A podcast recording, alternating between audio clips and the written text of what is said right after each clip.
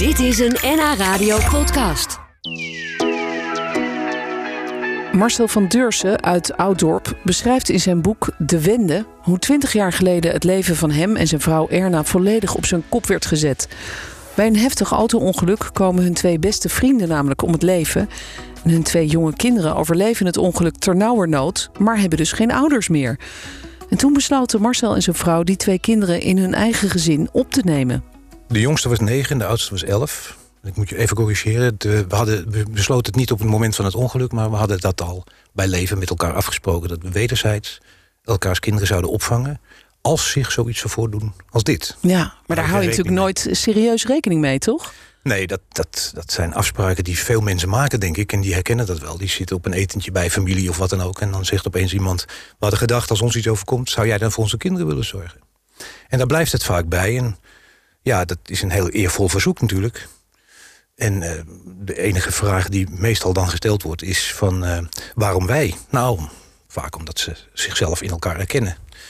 En de manier van opvoeden. Ja, ja. dat je het gevoel hebt dat de kinderen zich thuis zouden voelen in jullie gezin. En zo dachten wij natuurlijk ook. Ja. Met, die, met dat verschil dat we wel wisten dat er meer eten aan het ijs had... dan deze afspraak alleen. Mocht zich zoiets voordoen. Dus we hebben dat wel heel actueel altijd met elkaar besproken. Ja. Alsof het zou kunnen gebeuren. Ja. Maar desondanks denk je... nou, dat, dat kan dus niet. Dat gebeurt nee, dus niet. Nee, de kans dat beide ouders omkomen. Hè, het, is natuurlijk, uh, het, gebeurt natuurlijk wel vaker dat een van de twee misschien ziek wordt of een ongeluk Ja. krijgt, maar allebei tegelijk. Dat is wel heel heftig. En toch is dat precies wat er gebeurde. Zij waren op vakantie. Het boek begint ook met een heel indringende beschrijving eigenlijk van hoe dat allemaal ging. Hoe het ongeluk zelf uh, moet hebben plaatsgevonden. In Frankrijk was dat. Ja. En jij beschrijft ook hoe het was om daarheen te gaan. Toen je eenmaal dat nieuws had gehoord om daar die zwaargewonde kinderen in het ziekenhuis te ontmoeten.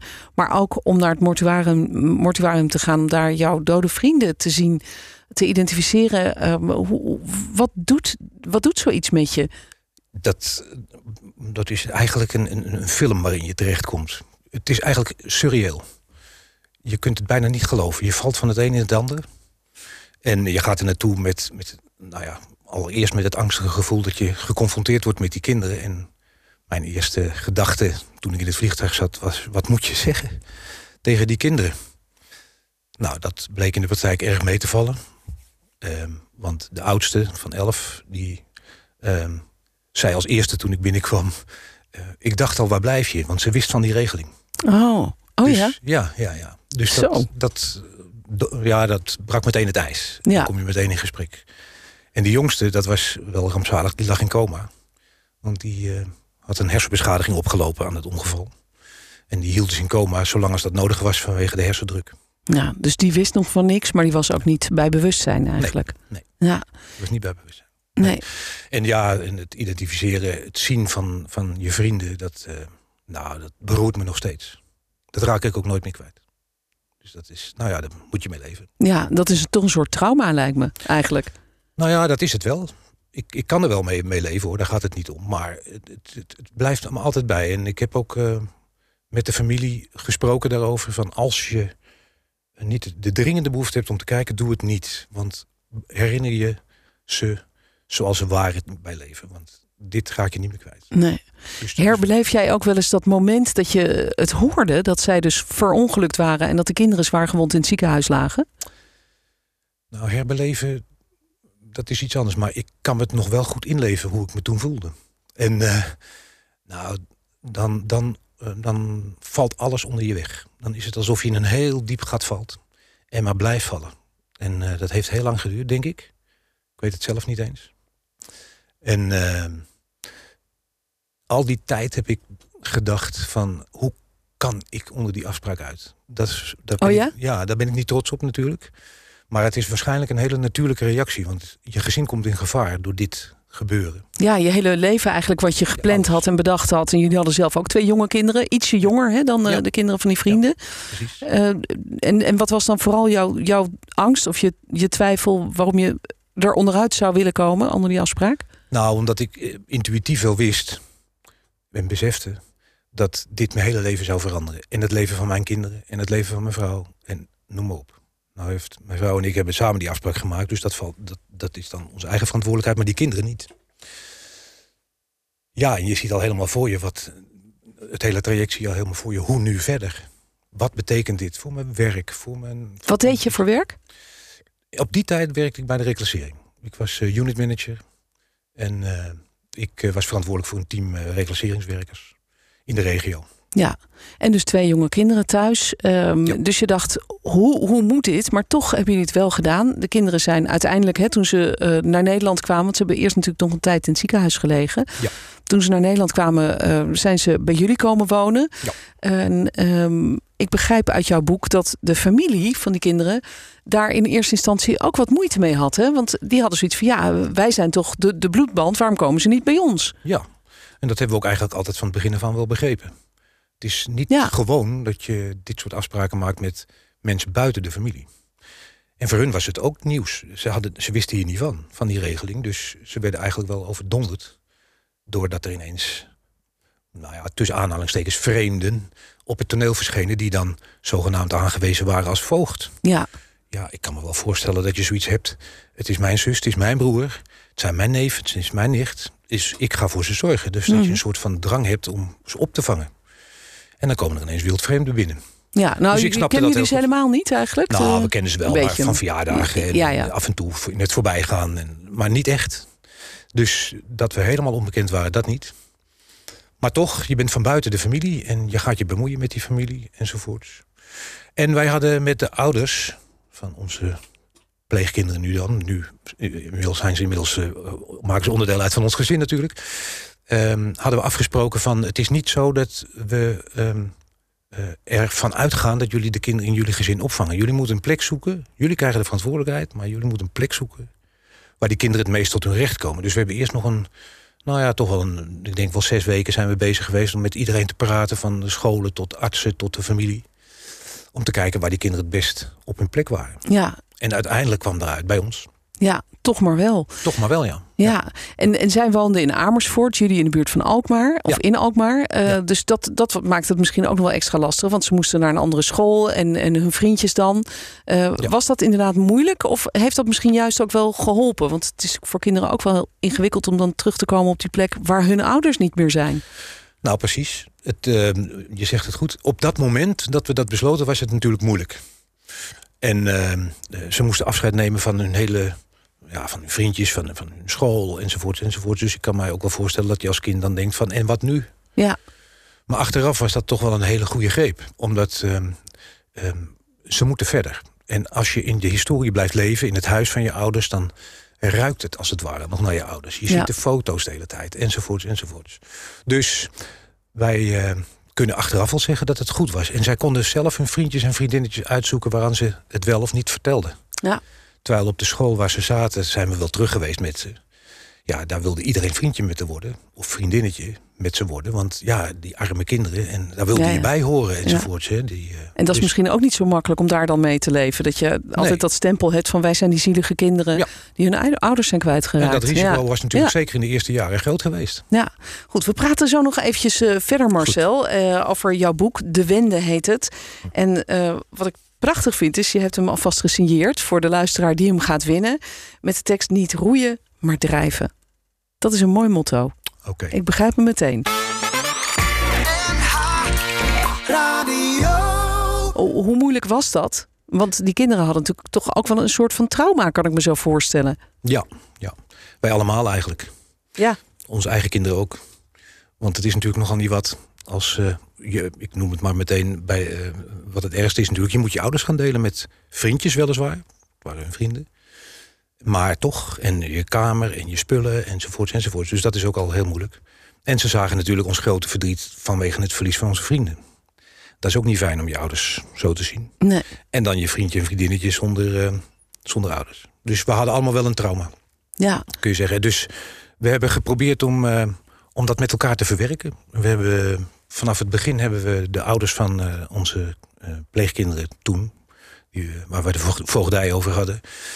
hebben we, vanaf het begin hebben we hun ouders in leven in ere gehouden. We hadden een, een, het geluk dat zowel in hun gezin als in het onze... we bij, el- elkaar bij de voornaam noemden.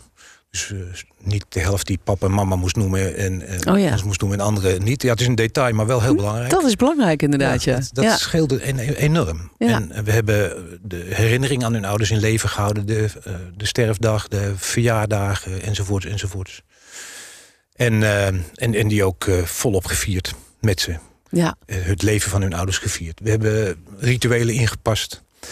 Eh, Waaronder natuurlijk vakanties, maar we zijn ook terug geweest naar de plek van het ongeval. Om iedereen een gelijk speelveld te geven in de zin van herinnering. Hier is het gebeurd, daar was het ziekenhuis, daar heb ik gelegen enzovoort. Dus iedereen heeft dat doorleefd weer nog een keer. Dus we zijn met die kinderen terug geweest. We hebben de artsen ontmoet daar weer. Nou, die waren, begrijp ik uit je boek, heel verbaasd. Eigenlijk aangenaam verrast. Want, want Ja. eh, vooral de, de, de zoon die in het ziekenhuis kwam. hè, er- was een Ja. zoon en een dochter.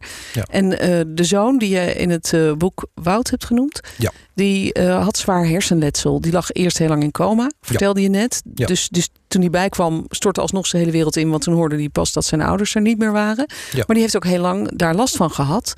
Ehm, en toch waren de artsen wel verrast toen ze hem zagen. Ja, ja die, de, arts die, eh, die hem, eh, laat maar zeggen, die de, die de leiding had over het hele team wat met hem bezig is geweest, die, eh, die zei: Dit is een wonder, hier doe je het voor. Want die had nooit verwacht dat hij nog ooit uit een bed zou komen. Dus die had gedacht: Nou, dat wordt een leven als een kastplantje.